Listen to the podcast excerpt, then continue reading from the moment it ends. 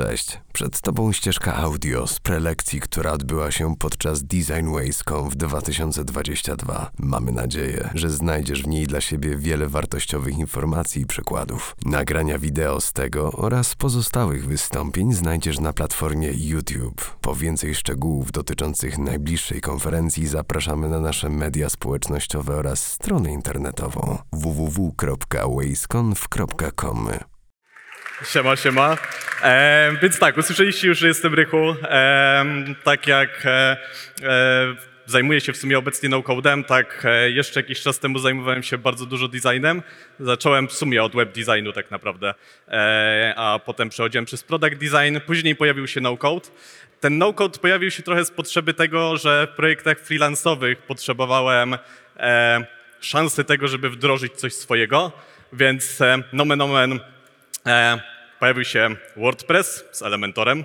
E, później tak naprawdę przechodziłem gdzieś dalej, szukałem nowych rozwiązań, e, ale może jakby pokrótce tym, jak tak naprawdę e, jak wygląda to Webflow i jak do tego doszedłem.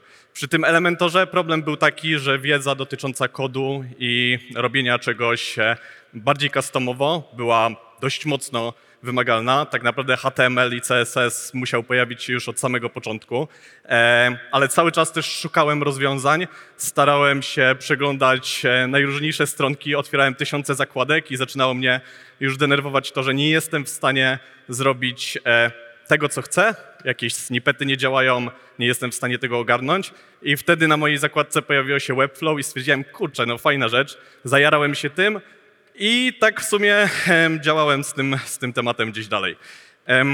Wracając trochę do tego, czym jest no-code. No-code to po prostu jest e, wdrażanie stron czy aplikacji za pomocą interfejsu wizualnego zamiast wyklikiwania e, linijek kodu. Patrząc sobie troszkę na rys historyczny, można by uznać, że Excel był swego rodzaju pierwszym narzędziem no-code'owym, gdzie coś można było sobie wyklikać. E, potem pojawiał się na przykład Dreamweaver, gdzie edytor wizualny pozwalał też na półnaukodowe e, bawienie się. Mm, tak naprawdę chyba takim pierwszym bardzo naukowym rozwiązaniem było Adobe Muse, które już e, nie jest wspierane, ale było takim początkiem tego, co później zrobiło, web, zrobiło Webflow i tak naprawdę rozpoczęło tym samym erę mniej więcej około 2013-2014 roku erę no-code. No i tak kilka lat później e, ta technologia rozwija się bardzo mocno. E, dla przykładu na przykład Lattice ma zbudowaną swoją stronę na, e, główną na Webflow. E, no jest to w sumie ogromna firma, która, e, która obsługuje ponad 4,5 tysiąca firm na całym świecie. E, na przykład Googdix, aplikacja zrobiona w Bablu całkowicie w ciągu około 10-11 tygodni zbudowali aplikację do jobboarda, do szukania pracy z misją e, i obecnie mają około 4000 userów.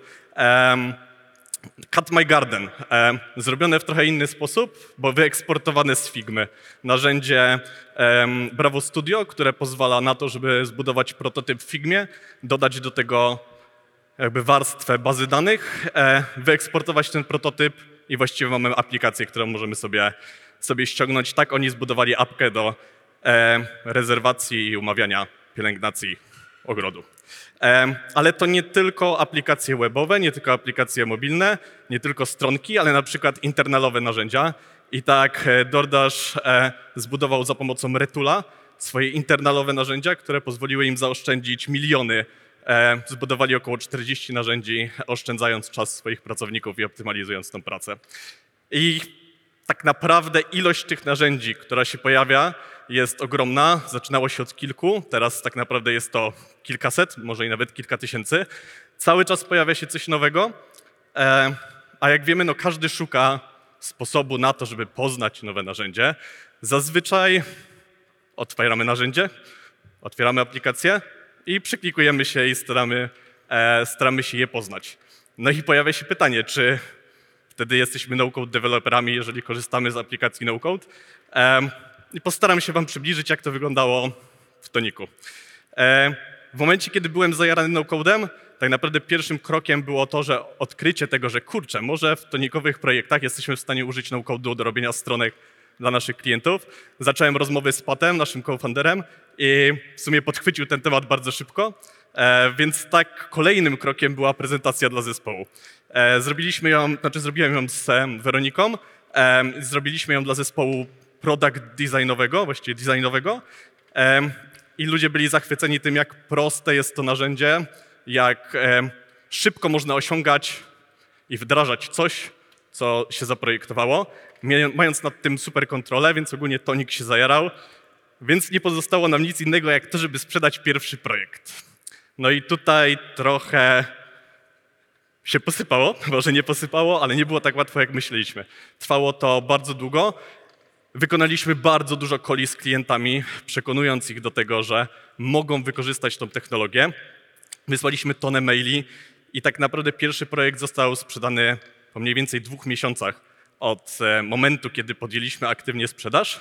I takim podstawowym wnioskiem było to, kurde, jednak w tym branży IT też ciężko jest wejść z nową technologią i sprzedać coś nowego i trzeba w to włożyć bardzo dużo pracy. No ale pojawił się ten pierwszy projekcik e, i wbrew pozorom nie była to prosta stronka, tylko całkiem złożona, e, całkiem złożona strona dla bardzo wymagającego klienta, którego zresztą przekonaliśmy do tego, żeby nie wybierał Wixa, tylko żeby wybrał Webflow. Em, I trochę ciągnęliśmy za sobą potem ten bagaż i słyszeliśmy, że przecież Wix byłby lepszy i tak dalej. I początkowo tak naprawdę miałem być zarówno designerem, jak i no-code developerem w tym projekcie, ale bardzo szybko okazało się, że to się nie uda. Dołączył, dołączył Szyna jako designer. Przede wszystkim chodziło o timeline.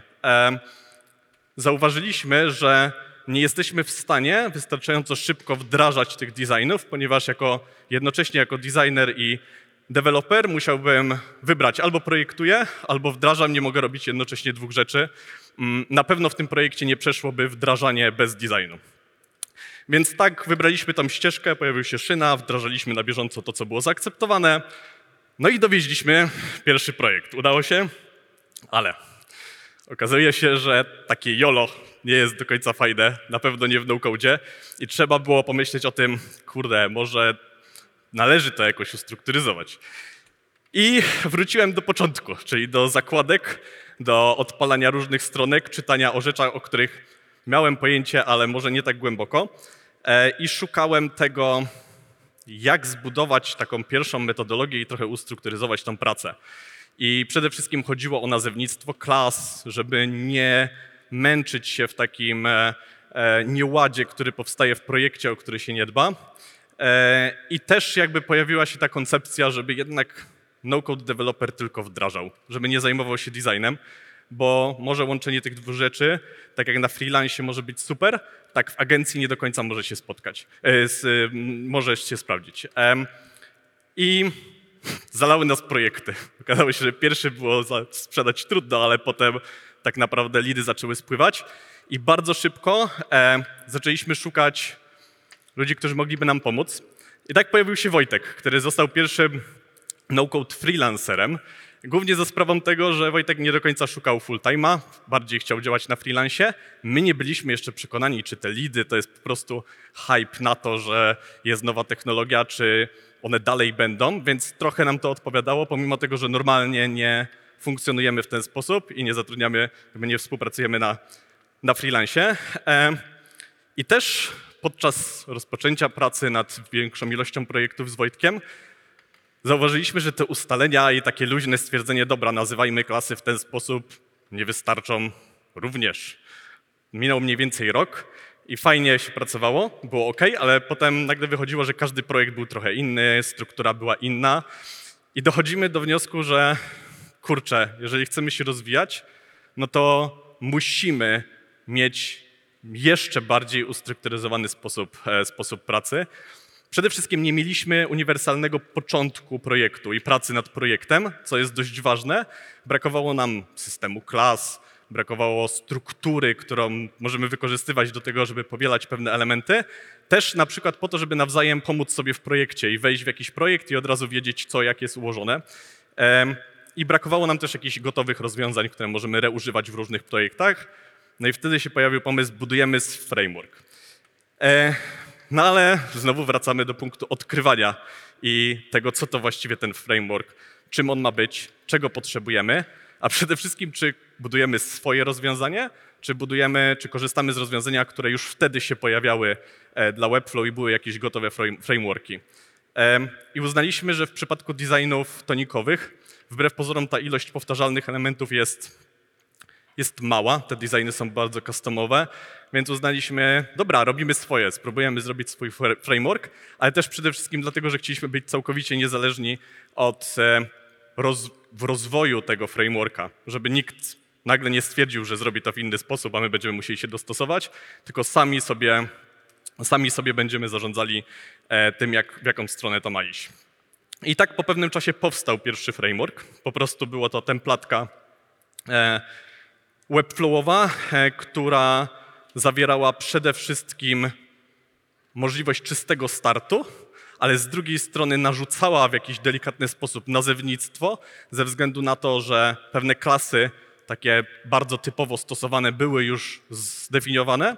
E, I właściwie zaczęliśmy też myśleć o tym, na jakich wartościach powinniśmy to op- oprzeć. Wybraliśmy sobie, e, wybraliśmy remy zamiast pikseli, tak żeby mieć większe możliwości, jeżeli chodzi o jakiś fluid, layouty i tak dalej, i tak ale też przede wszystkim stworzyliśmy style guide, w którym utworzyliśmy klasy, które nadawały style tekstu, style kolorów, które mogły być używane, em, używane globalnie. I można sobie pomyśleć, kurczę, no i co to jest w sumie, dlaczego tyle, dlaczego nie więcej? Nie chcieliśmy, żeby w jakikolwiek sposób wpływało to na rozwój projektu i tego, co się w projekcie dzieje i jak coś jest stworzone i odbierało autonomię no-code dewelopera, żeby było pomocą, a nie determinacją tego, co ma robić, albo zamykaniem go w jakichś ryzach. E, I tak, znowu Wojtek, ale teraz już w roli, w roli no-code deva. Przestał być freelancerem, dołączył do nas w grudniu e, 2021 roku. E, spływało coraz więcej lidów, z Wojtkiem pracowało się zajebiście. Wojtek też zobaczył, jak fajnie jest pracować w zespole i jak dużo daje, jaką przewagą jest praca w zespole nad pracą jako, jako freelancer. E, zdecydował, że chce spróbować full time'u, więc stwierdziliśmy, dobra, jedziemy z tematem i co więcej, odpaliliśmy dalszą rekrutację. E, nie trzeba było długo czekać, bo już miesiąc później w styczniu dołącza do nas Dawid jako drugi no-code developer. E, mega zajarany no-codem, e, z turbo dużą energią i chęcią do działania i, i, i szukaniem też nowych rozwiązań i propozycjami. W momencie, kiedy pojawiły się te dwie osoby e, w zespole, to już zaczął być w sumie praktycznie zespół, więc trzeba było zacząć też rozwijać się nie na poziomie merytorycznym, jeżeli chodzi o no-code, ale również o to, jak budować zespół, jak sobie z tym radzić. No i na pewno integracja jest częścią, na którą trzeba zadbać, w szczególności jak pojawiają się dwie nowe osoby, które się w ogóle nie znają. Stwierdziliśmy, kurczę, może zrobimy hackathon i się zintegrujemy w ten sposób. I była to Zajebista opcja, udało się to mega. W dwa dni stworzyliśmy MVP. O, jakby bardziej o tym hackathonie opowie Bartek. Ehm, dzisiaj, e, 14.45 chyba? Okej. E, Więc em, zrobiliśmy hackathon. E, dwa dni, super dużo pracy, e, ale skupiając się na aspekcie teamowym, okazało się, że po dwóch dniach staliśmy się turboziomkami, byliśmy mega zgrani i każdy wiedział mniej więcej, co kto lubi robić e, w e, aspektach naukowych, znaliśmy się lepiej prywatnie i też uznaliśmy, że hackatony to jest super opcja na to, żeby, żeby rozwijać się dalej e, i integrować zespół. Ale to nie tylko i wyłącznie integracja, ale też poznanie nowej technologii. Pierwszy raz w Toniku stwierdziliśmy, że zbudujemy produkt no-code'owy. I ten produkt no-code'owy e, dał nam możliwość, pokazał nam to, że no-code to nie jest tylko frontend i to nie jest tylko strona. To jest również logika, to są bazy danych. To, że no-code developer to niekoniecznie musi być tylko frontend developer, ale może to być backend developer albo full stack, więc trzeba umieć działać w różnych, e, na różnych poziomach, nie tylko na poziomie wizualnym. Mm, I też to, że nie każdy może lubić wszystko i jedna osoba może być lepsza w backendzie, druga w frontendzie, em, ale też zauważyliśmy, że no-code to jest ogromny potencjał, jeżeli chodzi o właśnie produkty i budowanie na przykład MVP dla klientów w dużo krótszym czasie. Nam się udało w dwa dni, e, ale, ale w, nawet z dłuższym, delikatnie czasem można zbudować, zbudować fajne narzędzia. I tak w lipcu 2022 tego roku Po zrealizowanych mniej więcej 45 projektach e, pojawiają się kolejne dwie osoby w zespole. E, pojawia się Agata i Emil e, jako no-code deweloperzy, więc ten zespół wbrew pozorom zaczął bardzo szybko rosnąć, em, ale głównie za sprawą tego, że zapytań dotyczących Webflow było coraz więcej i jest coraz więcej. Ale to jest też bardzo duże wyzwanie, jeżeli chodzi o budowanie zespołu, bo jednak ten, trzeba było zadbać o to, żebyśmy się, e, żebyśmy się zintegrowali i, i działali, e, działali jakoś wspólnie, razem, mieli możliwość, e, mieli możliwość pracy. Mając to pełne obłożenie, e, chcieliśmy też testować nowe narzędzia, e, zbierać doświadczenie jako firma, ulepszać nasz framework, ale co z zespołem? Trzeba go jakoś angażować, trzeba z nimi rozmawiać, trzeba się uczyć, szukać ścieżek, akceptować to, że ktoś ma inne spojrzenie na pewne rzeczy, a ważne jest to w sumie, żeby zespół mógł się wypowiedzieć i żeby każdy miał coś do powiedzenia i czuł się, że go buduje. E, więc szukaliśmy bardzo mocno, mocno takich, e, szukałem możliwości na to, żeby ten zespół mógł się rozwinąć i jak to zrobić. I tak naprawdę zaczęliśmy na przykład uczyć się JavaScripta jako cały zespół i podeszliśmy do tego że w ten sposób, że no-code developer powinien JavaScripta ogarniać, e, powinien to robić, więc nauczmy się tego do takiego poziomu, żeby każdy był w stanie znać przynajmniej, e, przynajmniej semantykę tego, jak to wygląda, strukturę, edytować jakieś proste snippety. Też zaczęliśmy rozwijać framework. On kilka razy iterował. Stworzyliśmy w sumie kanbana, na którym każdy z zespołu może wrzucić propozycję rozwoju. E, No i w tym momencie decydujemy całym zespołem, czy chcemy to robić, czy to jest bardzo istotne, czy to jest coś, co każdy powinien mieć, czy ktoś może sobie to zrobić indywidualnie. E, Ale też na przykład inicjatywy takie indywidualne. Na przykład Wojtek zaczął ogarniać e, poznawać to, w jaki sposób polepszać performance stronek. Dawid zaczął budować lipkę do zbierania pomysłów frontendowych na to, jakie mogą być na przykład interakcje. Więc, więc jakby zaczęliśmy działać w ten sposób, ale pytanie, co przed nami, bo zespół się rozwija. Co dalej? Mamy cały czas właściwie odpaloną rekrutację i poszukujemy nowych osób, więc jeżeli ktoś by był chętny, to zapraszam do pogadania.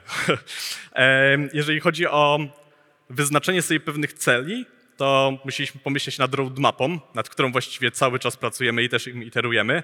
Ona cały czas się zmienia. Uznaliśmy, że hackatony staną się nieodłączną częścią na pewno no-code'u i będą się pojawiały kolejne, tak żeby, żeby ten zespół integrować. I na pewno naszym ogromnym celem jest to, żeby zbudować pierwsze, wejść w budowanie produktów no-code'owych i zbudować pierwsze komercyjne MVP. Nie naszego wewnętrznego pomysłu, ale już komercyjne MVP dla naszego klienta z użyciem technologii no-code. Ale też no, szukamy coraz większych projektów. Wychodziliśmy z prostych albo średnio złożonych stron.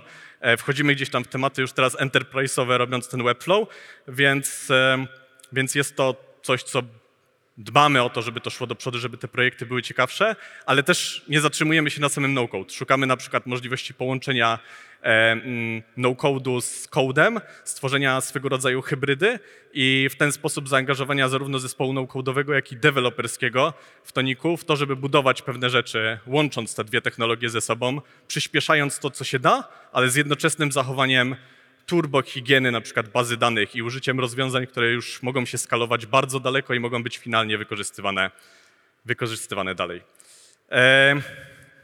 No dobra, ale w sumie ten no-code developer, zaczęliśmy od tego i co z tym no-code developerem? Tak jak wspomniałem już na samym początku, e, już przy WordPressie musiałem poznać HTML-a, musiałem poznać CSS-a, e, musiałem nauczyć się szukać rozwiązań, co wcale nie jest takie proste, jak się okazuje. Bez znajomości na przykład struktury HTML-a nie byłbym w stanie wpływać na te elementy. Bez znajomości CSS-a nie byłbym w stanie ich stylować, nie wiedziałbym, jak działają klasy. E, I trochę im więcej chciało się robić, im bardziej chciało się wchodzić w detale, tym więcej trzeba było tego kodu HTML-owego czy CSS-owego e, ogarniać. E, Później, po pewnym czasie rozwoju, pojawił się JavaScript. i logika. Już trzeba było gdzieś tam skopiować jakiś snippecik kodu, wkleić go i spowodować, żeby działał i zastanawiać się, dlaczego on nie działa i dlaczego to nie chce się uruchomić. E, I to też pokazało, że myślenie i sposób myślenia no-code dewelopera jest bardzo podobny do działania i sposobu myślenia e, dewelopera. Jest bardzo logiczny, trzeba logicznie dochodzić do pewnych rzeczy, szukać tych zależności, żeby na przykład zdebugować e, niedziałający kod albo żeby dodać nową funkcjonalność, ale też ta logika to nie jest tylko i wyłącznie to logiczne myślenie, ale to jest też budowanie samego workflow tego, jak ma zachowywać się na przykład aplikacja albo strona e, po działaniu użytkownika i w interakcji z użytkownikiem, gdzie mają być na przykład zapisywane te dane, jakie mają być wykonywane operacje warunkowe i tak No ale jeżeli jest logika, to muszą być bazy danych. Nie da się bez tego zapisać czegokolwiek. Więc kolejny aspekt pojawia się po stronie no-code developera, musi ogarniać bazy danych, e, które wydają się proste. Wydaje się, że mamy tabelkę, gdzie mamy kilka, e, kilka opcji na, na dodanie danych, ale tak naprawdę, jeżeli zaciągnie się taki dług technologiczny w bazie danych na samym początku budowania jakiegoś rozwiązania, no to ciągnie się, za nim, ciągnie się go bardzo długo i bardzo ciężko jest z niego wyjść, bo nawet jeżeli chcemy, to potem pojawia się pytanie, a co ze zmigrowaniem danych? Jak to zrobić? Em, więc od bazy danych bardzo często, jeżeli chcemy ją mieć albo potrzebujemy jej, tak naprawdę trzeba zacząć i zbudować tą strukturę. E, ale także bazy danych nawet w prostszych rzeczach. Zwykły CMS, zwykły blok też potrzebuje bazy danych. No tutaj przychodzą nam z pomocą Webflow, które uprościło to na maksa i zarządzanie tym jest praktycznie jak zarządzanie tabelkami w Excelu, właściwie nawet prostsze niż w Excelu i ładniejsze, ale, ale się jakby da, ale też trzeba mniej więcej wiedzieć, jak to zrobić, skąd to, jak to się dzieje i skąd to się pojawia.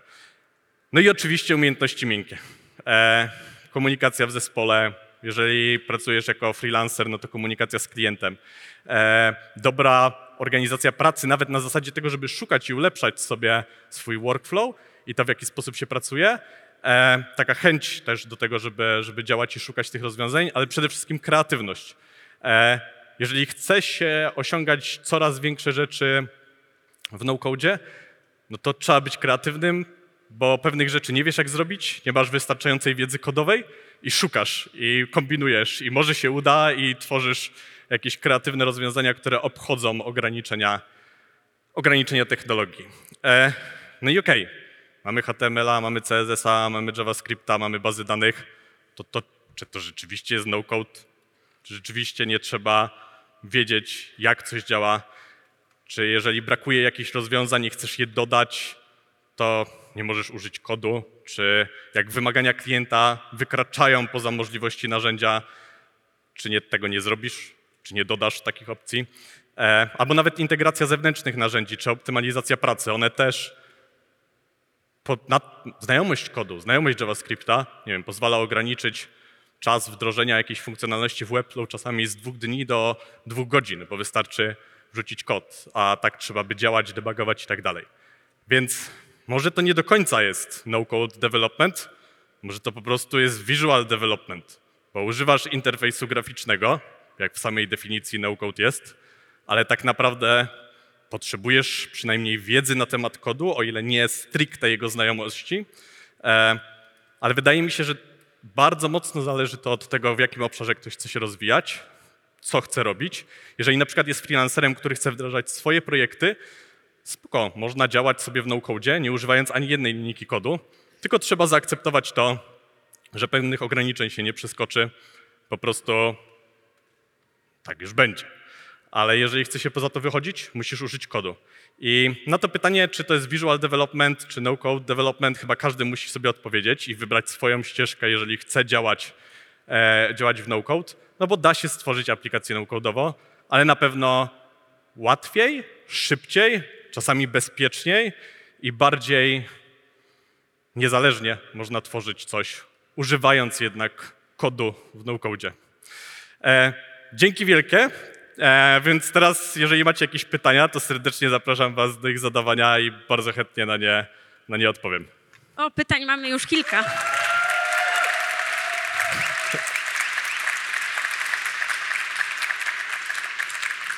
Ogromne brawa dla Ciebie, świetna prezentacja, wprowadziłeś nas w ten świat. E, na pewno są pytania na sali, więc e, tu już już, już jest jedno. E, Cześć, dzięki za świetną prezentację. E, Ja mam przede wszystkim pytanie o to, jakie było najbardziej złożone wdrożenie, które wam się udało zrealizować przy pomocy no-code'u. W sensie bez interwencji jakiegoś dewelopera z zewnątrz. Mhm.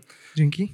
Mm, Ciężko mi powiedzieć, zależy to od tego, na którym etapie, bo na pewno na początku były to zdecydowanie mniejsze projekty i korzystaliśmy z pomocy deweloperów, ale też jakby z wdrażaniem coraz kolejnych projektów, chcąc nie chcąc, nawet jakbyśmy nie chcieli wiedzieć, co deweloper nam wysłał w tym snippecie i tak czytaliśmy go albo widzieliśmy, więc poznawaliśmy go, więc potem na przykład mogliśmy zrobić już to sami, bo wiedzieliśmy, jak to zrobić.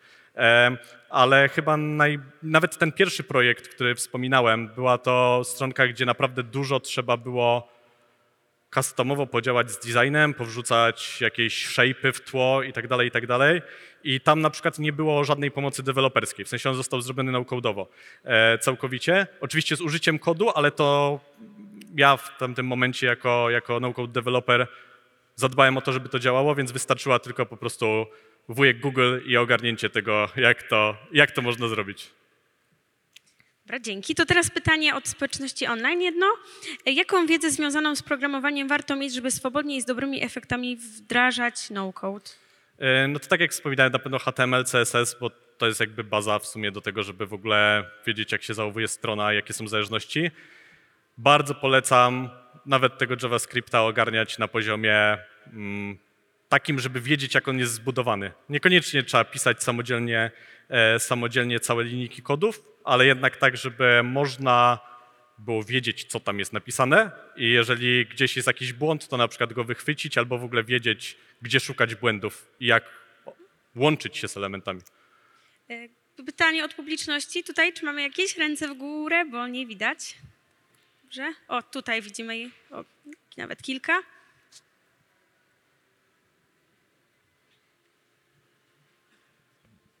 Cześć. E, dzięki wielkie za pokazanie w ogóle Webflowa, bo to dość bliskie mi narzędzie mojemu sercu jest. E, mam takie pytanko, bo z racji charakteru mojej pracy, ja pracuję w dość dużej korpora- korporacji i też próbuję to jakkolwiek przepchnąć pomysł tego, tego narzędzia. Niestety problem jest taki, że często pojawia się problem NDA-ów. Czy wy mieliście kiedyś problem taki z jakimś klientem i jak go obeszliście, jeśli mieliście? Mm, OK, ale problem z, e, z NDA w przypadku ujawniania tego projektu dalej, czy.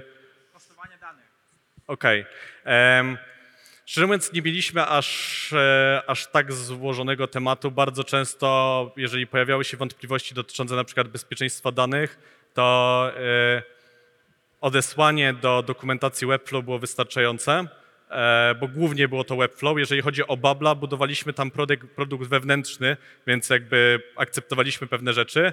E, Ale tak, na pewno jest to swego rodzaju problem, o który trzeba zadbać, na ile te dane są bezpieczne i na ile ktoś bez gruntownej wiedzy dotyczącej bezpieczeństwa jest w stanie zadbać o to, żeby ktoś po prostu sobie nie wszedł i nie zobaczył danych innych osób.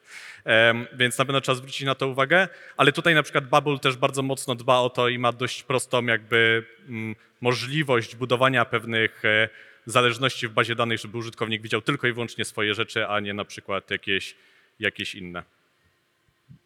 Cześć. E, No to ja jeszcze mam jedno pytanie trochę z innej perspektywy. Chciałam się zapytać tak naprawdę, bo wspomniałeś, że e, zespół się powiększał i czy reszta osób też miała wcześniej doświadczenie jakiekolwiek programistyczne związane właśnie chociażby z JavaScriptem, HTML-em, CSS-em, o których wspomniałeś, czy były to osoby kompletnie, że tak powiem, zielone w temacie i zaczynały dopiero pracę jako no-code developer? Jeszcze mam drugie pytanie związane z backendem tak naprawdę, bo wspomniałeś, że też właśnie e, można postawić backend w, za pomocą no-code. Przyznam się, że wcześniej nie spotkałam się z tym pojęciem i w momencie, gdy słyszę właśnie, że to jest bardziej od strony frontu, to jestem w stanie sobie wyobrazić, jak to wygląda, ale jakbyś mógł trochę przybliżyć właśnie stronę bardziej backendową w Okej. układzie. E, To odpowiadając na pierwsze pytanie, na przykład Wojtek już jak dołączał do nas na freelancie, no to ogarniał JavaScripta, jakby używał go w swoich projektach. Scooby też miał wiedzę dotyczącą tego, jak to, jak to działało. Agata i Emil też ogólnie wiedzieli, w jaki sposób się to je i co to jest, ale dlatego też zaczęliśmy tą naukę tego JS-a, żeby to ustrukturyzować, żeby każdy osiągnął ten sam poziom, żebyśmy na przykład mogli iść dalej i już z deweloperami współpracować na takiej zasadzie, że oni wiedzą, że my wiemy, co oni mówią, nie wysyłają nam coś, a my liczymy na to, że to zadziała. Ta druga kwestia, jeżeli chodzi o backendy. Tak naprawdę, no, jeżeli budujemy aplikację, e, mm, to nasze, nasze, nasze MVP e, na Bablu, no cały front, no to wiadomo, jest to, co widzimy, cały backend to, co jest w środku i tak naprawdę w Bablu trzeba po prostu wszystkie zależności, czyli przy kliknięciu w ten baton ma się zadziać to, ma się użytkownik zalogować i tak dalej. To wszystko trzeba wyklikać, e, to wszystko trzeba zbudować, e, trzeba wyfiltrować na przykład dane, e, wylistować je w jakiś konkretny sposób, więc to jest jakby ten backend, który się buduje. W przypadku Webflow no tego backendu nie ma. Ten back, backend jest tak naprawdę ogarnięty przez, ogarnięty przez Webflow. No chyba, że chce się wchodzić na przykład włączenie, nie wiem, bazy danych, podpinanie zewnętrznej bazy danych do Webflow. No to taki pozorny backend trzeba zacząć budować, no bo w jakiś sposób trzeba to połączyć, e, ale to bardzo mocno zależy od narzędzia. Jak w sumie większość rzeczy w no-code, że to narzędzie determinuje trochę to, jak to wygląda i jak to działa, bo każdy ma troszeczkę inne podejście do rozróżnienia tego frontu i backendu na przykład.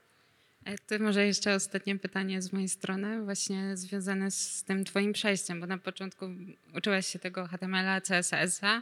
E, Rozumiem, że byłeś nastawiony właśnie na bardziej programistyczne podejście i E, teraz mhm. nagle stwierdziłeś e, no-code i w sumie czemu? E, nie, nie do końca. Jakby pierwszy HTML, CSS pojawiał się w e, tematach jeszcze freelansowych, jeszcze zanim dołączyłem do Tonika. Do Tonika dołączyłem jako product designer i przez bardzo długi czas pracowałem nad po prostu produktami i je projektowałem. E, I dopiero w momencie, kiedy zacząłem zauważać, że ta technologia się rozwija, że to Webflow zaczęło już być coraz normalniejsze pod względem tego, co się da tam zrobić. Nie było to takie Adobe Muse, gdzie wypluwa się jakiegoś potworka, który niby działa, ale tak naprawdę jest koszmarkiem. E, zacząłem gdzieś tam rozmawiać z deweloperami, oni zobaczyli kod, powiedzieli, kurczę, jest to fajne, w sensie naprawdę pierwsze narzędzie, które można uznać, że wypluwa coś, co ma ręce i nogi. I wtedy trochę zacząłem się tym interesować bardziej, wdrażałem jakieś rzeczy dla znajomych, e, trochę dla sportu. No i wtedy zobaczyłem, może jednak w toniku też to się, to, się, to się przyda, bo ta technologia, na Twitterze nawet było widać, że ludzie szukają rozwiązań, chcą z tego korzystać albo zacząć z tego korzystać, więc e, zaczęły się te pierwsze projekty. Ja te pierwsze projekty łączyłem z product designem. Cały czas byłem product designerem. Tak naprawdę nie było na początku działu no-code. My po prostu robiliśmy te projekty i testowaliśmy. Potem stanąłem na, przy takim wyborze. Mogę albo dalej iść w product design, albo mogę zbudować no-code w toniku. I popatrzyłem na to, stwierdziłem, dobra, to może to no-code, w sensie spróbujmy czegoś innego, trochę mniej mainstreamowo i to nie jest tak, że design nie sprawia mi przyjemności, bo dalej chętnie sobie poprojektuję pewne rzeczy, e, ale uznałem, że ten no-code może być po prostu czymś ciekawszym dla mnie, bo zawsze takie zacięcie logiczne i rozwiązywanie problemów, zagadek było dla mnie fajne, choć jak się siedzi 8 godzin nad jednym bugiem, którego nie można rozwiązać, to nie wiem, czy to jest fajne, ale, ale, ale ja mam tak, że czasami to lubię, czasami nie, ale bardziej lubię niż nie lubię. A nie masz wrażenia, że jakby programistycznie masz większą, wię, większą możliwość rozwiązywania tych błędów, jakby takie większe panowanie nad tym, co się dzieje? E, Na pewno, w sensie no na pewno jeżeli robisz coś customowo, jeżeli jeszcze zbudowałaś albo masz dokumentację tego, co zostało zbudowane, no to wiadomo, że łatwiej jest szukać pewnych rzeczy niż szukać tego w gąszczu danych, które są stworzone przez zewnętrzną firmę. E, No ale no, trzeba pewne rzeczy zaakceptować. No-code jest trochę sztuką tego, żeby akceptować to, że czegoś się nie do końca da zrobić, ewentualnie szukać bardzo uporczywie rozwiązania, ale też czasami zaakceptować, kurczę, no, no nie da się, sorry, nie? No to nie jest, nie da się wszystkiego zrobić w no-codzie. Dobrze. Dobra, myślę, Dziękuję. że już przekażemy mikrofon innym, bo też mamy sporo innych pytań. Tutaj były właśnie ręce w górze, e, także tutaj z przodu, później tam gdzieś dalej koło pana kamerzysty. Cześć Rychu. Ciema. Y, Dwa pytania. Pierwsze, jak wczorajszy after? Bardzo Y, dobrze. I drugie pytanie, y, czy mówiłeś o tej perspektywie, byłeś product designerem, rozwijałeś się w no-code i zacząłeś się uczyć tam JavaScriptu i tak dalej. Czy widzisz jakieś plusy w no-code dla osób, które już ogarniają HTML, HTML, CSS, JavaScript i tak dalej- i tak dalej i budują już, są po prostu deweloperami i myślą o tym, żeby zacząć no-code, bo, no bo jest na to hype teraz, no nie? Ale czy jest sens wchodzić w tą technologię, skoro już i tak jesteś deweloperem i znasz tę technologię i budujesz te rozwiązania, tylko nie w no-code? Wydaje mi się, że w pewnych aspektach tak. Bardzo mocno zależy od tego, co robisz i jakby jaka jest twoja domena pracy i nad czym pracujesz. Ale często można sobie po prostu ułatwić pracę no-codem i przyspieszyć ją. Więc chyba to bardzo mocno zależy od indywidualnego jakby podejścia, ale na pewno no, ta wiedza programistyczna jest w stanie tobie dać turbo możliwości, jeżeli chodzi o ten no-code, bo po prostu samodzielnie dopisujesz sobie rzeczy, których ci brakuje. Więc im więcej umiesz, tym więcej jesteś w stanie zrobić. Tak to trochę mniej więcej wygląda. Czyli im więcej wiedzy programistycznej, tym dalej możesz zajść z no-codem. No ale oczywiście no, pytanie po co, nie? No jeżeli jesteś bardzo sprawnym programistą, no to pewnie nie będzie to jakiejś super oszczędność czasu, że będziesz sobie paddingi wyklikiwał gdzieś tam, tylko szybciej po prostu wpiszesz to na klawiaturze i ogarniesz. E, więc no, Okej, to mogę zadać pytanie już? Dobra, to ja mam takie pytanie.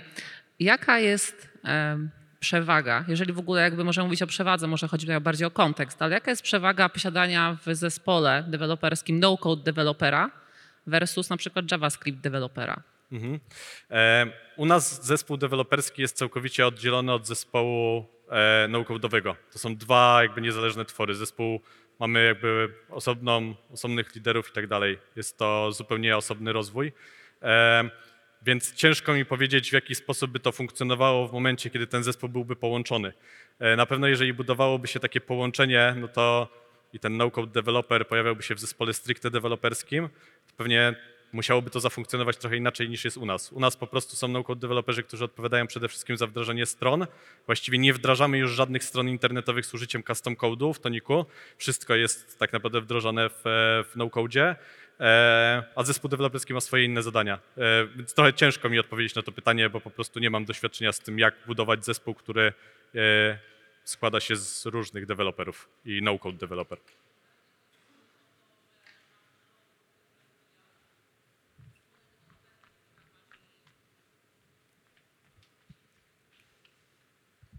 Bardziej chodziło mi o to, że masz e, zespół deweloperski w takim rozumieniu agile'owym, tak? Czyli masz e, w wkład, w skład zespołu wchodzą deweloperzy, designer, product owner, product manager, no jakby to, te składy są różne. No i te, w takim zespole, no nie? E, Jaka Okej. byłaby przewaga posiadania no-code dewelopera versus JavaScript dewelopera?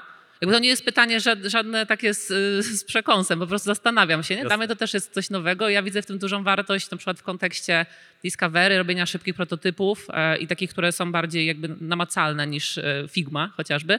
No i zastanawiam się, czy jakby to też ma przełożenie na już taki pro, proces wdrażania produktów, e, już ten, tą implementację. Mm, Tak, to znaczy uważam, że tak jak wspomniałeś, prototypy na przykład to jest bardzo przydatna i szybka rzecz i to jest ogromna przewaga, że no-code developer może to wyklikać bardzo szybko. Ja sam używałem na przykład no-code'u i Webflow do robienia prototypów w produktach. Kiedy nie mogłem czegoś pokazać albo musiałem pokazać coś bardzo dokładnie na jakichś interakcjach typu scrolle, nie scrolle, wyłączać, włączać, to robiłem to po prostu, nawet uploadowałem e, screenshoty e, elementów do, do Webflow, osadzałem je tak, żeby to działało i pokazywałem, jak to, jak to funkcjonuje. Więc wydaje mi się, że to jest bardzo, e, bardzo jakby spory, spora przewaga no-code dewelopera niż JavaScripta, bo on też trochę jest takim full stackiem, nie? w sensie, że jest w stanie zrobić ten froncik, a jeżeli na przykład mamy osobno JavaScript, e, e, no w sumie no JavaScript też będzie ogarniał jakby front, ale no niekoniecznie musi robić to tak dokładnie i tak szybko e, jak, jak no-code developer. No i jeżeli chodzi o testy, na przykład AB, no wszystko co wymaga, wymaga tego, żeby tych rzeczy stworzyć więcej w trochę krótszym czasie, to może być tak, że po prostu to się może szybciej udać z no-code po prostu sobie to wyklika, skorzysta z jakichś gotowych rzeczy i tak dalej, nie musi wszystkiego robić od zera. I też zauważyłem taką mm, jakby różnicę, że deweloperzy mają bardzo często e, podejście takie, że wszystko musi być prawilnie zrobione, elegancko, dobrze, jak cokolwiek. Jest jakakolwiek szansa, że cokolwiek nie zadziała w sytuacji, która wydarzy się nie wiem, raz na 10 miliardów razy, to muszą zrobić to inaczej. Z no-code developerem jest trochę tak, że z doświadczenia widzę, że czasami łatwiej się dogadać i on szybciej zaakceptuje to, że kurde, to może nie zadziałać w jakiejś określonej sytuacji, ale akceptujemy to, bo ta technologia została wybrana, więc bierzemy to ryzyko, że raz na miliard razy po prostu coś e, na jakiejś nie wiem, rozdzielczości specyficznej czy ekranie coś nie zadziała. E, Więc chyba ta taka e, e, elastyczność, przynajmniej jakby z mojego odbioru jest może trochę, trochę większa, ale no to są moje prywatne jakby doświadczenia. Nie? Żaden deweloper się nie poczuł urażony, że- e, ale, e, ale tak, tak, tak to widzę. Dobrze, to jeszcze dwa ostatnie pytania. Tutaj widzę jedno. Już mogę mówić. E, W ogóle gratulacje za prezentację, naprawdę super i też e, dla ciebie, dla Tonika za tą otwartość, że zdecydowaliście się pójść z tym eksperymentem. Jak widać, e, on się zwraca. E, Jeszcze jedna obserwacja, że taki ciekawy a propos Design Ways, że była specjalizacja UX i UI i tak service design, wracamy znowu do łączenia tych umiejętności, trochę jak web development 20 lat temu tak naprawdę, nie? I teraz pytanie o sam Webflow, które dosyć e, używałem trochę i zastanawiam się, jak komercyjnie radzicie sobie z moim zdaniem dużym minusem Webflow, czyli utrzymaniem projektów i ich rozwijaniem dalej. W sensie dokumentacja tego, co zostało zrobione, powrót do projektu, na przykład po trzech miesiącach, po sześciu miesiącach, brak design systemu per se, tak naprawdę jak sobie radzicie z tym elementem utrzymania projektów, rozwijaniem ich? E, Tu też jakby możliwość utrzymania tego projektu bardzo ułatwiło nam, e, ułatwił nam framework, bo niezależnie trochę kto robił dane rozwiązanie, no to jest ono na tyle znane dla wszystkich, że każdy może w ten projekt wejść, podziałać e, mm, i go rozwijać. Co do dokumentacji, em, w przypadku na przykład prostych, e, prost, prostych albo nawet średnio złożonych len- m, stronek, e, ta dokumentacja raczej bardziej opiera się na wyedukowaniu klienta, w jaki sposób ma, ma działać i e, służeniu mu pomocą, jeżeli, jeżeli coś, e, e, czegoś nie będzie wiedział. Trochę jest to indywidualne dla każdego klienta i dopasowujemy się do tego, co on oczekuje, czego oczekuje i jak, jak chce tam jak chce mieć to zrobione. A co do skalowania i rozwijania, no to w sumie jedynym tak naprawdę nie ma, jakby nie zauważam żadnych problemów z tym. Jedynym problemem są sytuacje, kiedy niewyedukowany użytkownik, ktoś, kto nie miał wiedzy na temat Webflow, grzebał w projekcie i nagle okazuje się, że nie wiadomo w ogóle, co tam się wydarzyło. Więc e, my na przykład przekazujemy, robimy transfer projektu do, e, do klientów. Później, jeżeli projekt jest dalej rozwijany, to e, działamy w ich workspace i po prostu jesteśmy zaproszeni do ich workspace'u. Nie utrzymujemy tych projektów na swoich kontach, nie bilujemy za hosting, tylko klient robi to w swoim własnym, własnym zakresie. No ale też jakby minusem tego jest właśnie to, że ma kontrolę nad rzeczami, nad którymi czasami nie powinien mieć kontroli ze względu na brak, brak wiedzy. Tutaj no, robimy backupy. Sam Webflow robi backupy, my też robimy zawsze backup projektu, więc możemy ewentualnie wrócić gdzieś w jakiejś dramatycznej sytuacji do rozwiązania, które było, e, było kiedyś. E, chyba, nie wiem, czy któryś z aspekt pytania pominąłem, ale Myślę, że generalnie jak kolega będzie miał jeszcze pytanie, to dopyta gdzieś tam w kuluarach, a teraz no, czas nam gdzieś tam powoli się kończy, więc ostatnie pytanie. E, Na ile pożądani są w branży UX designerzy slash badacze, którzy potrafią into no-code? Czy raczej tę działkę powinno się zostawić deweloperom? Mm, Wydaje mi się, że no tutaj na przykład prototyp, znaczy UX designerzy, którzy działają w no-code. E, tak, dokładnie. No to wydaje mi się, że na pewno no sporym, sporą opcją, sporym plusem jakby dla nich jest to, że są w stanie pewne rzeczy zrobić samemu. Nie muszą czekać na dewelopera i nie muszą prosić dewelopera i requestować o jego czas, tylko po prostu mają możliwość tego, żeby zrobić coś samodzielnie, czyli czasami no szybciej, może więcej będzie spoczywało na ich barkach, ale będą bardziej niezależni. No i też przede wszystkim no zawsze mają jakby dwie możliwości. Zawsze dalej mogą iść w UX albo nagle zobaczą, kurde, ten no-code jest fajny, podoba mi się to, zawsze mogą pójść e, w coś innego, jakby w stronę tego no-code. To dywersyfikacja, wydaje mi się, że jest to tyle fajna, że często jest mniejsze prawdopodobieństwo, że w pewnym momencie będzie miał się taką stagnację zawodową na zasadzie trzymania się cały czas jednego, jednej gałęzi działania i cały czas, nie wiem, projektowania tylko produktów. Też na przykład UX-a produktów i takiej stagnacji w tym, że cały czas siedzi się troszkę w takich low-fi makietach albo w ogóle w makietach i działa na, na, na rzeczach, które są mniej wizualnie dopracowane. E, ale no tutaj jest chyba też bardzo indywidualna kwestia, jak ktoś chce to wykorzystywać czy chce to wykorzystywać, ale wydaje mi się, że warto jest się rozwijać. W sensie, że jeżeli masz czas, chęci, jakby skłonności do tego, że to no-code gdzieś tam ci interesuje, to po prostu w to idź i próbuj i zawsze można to wykorzystać i znaleźć najróżniejsze ścieżki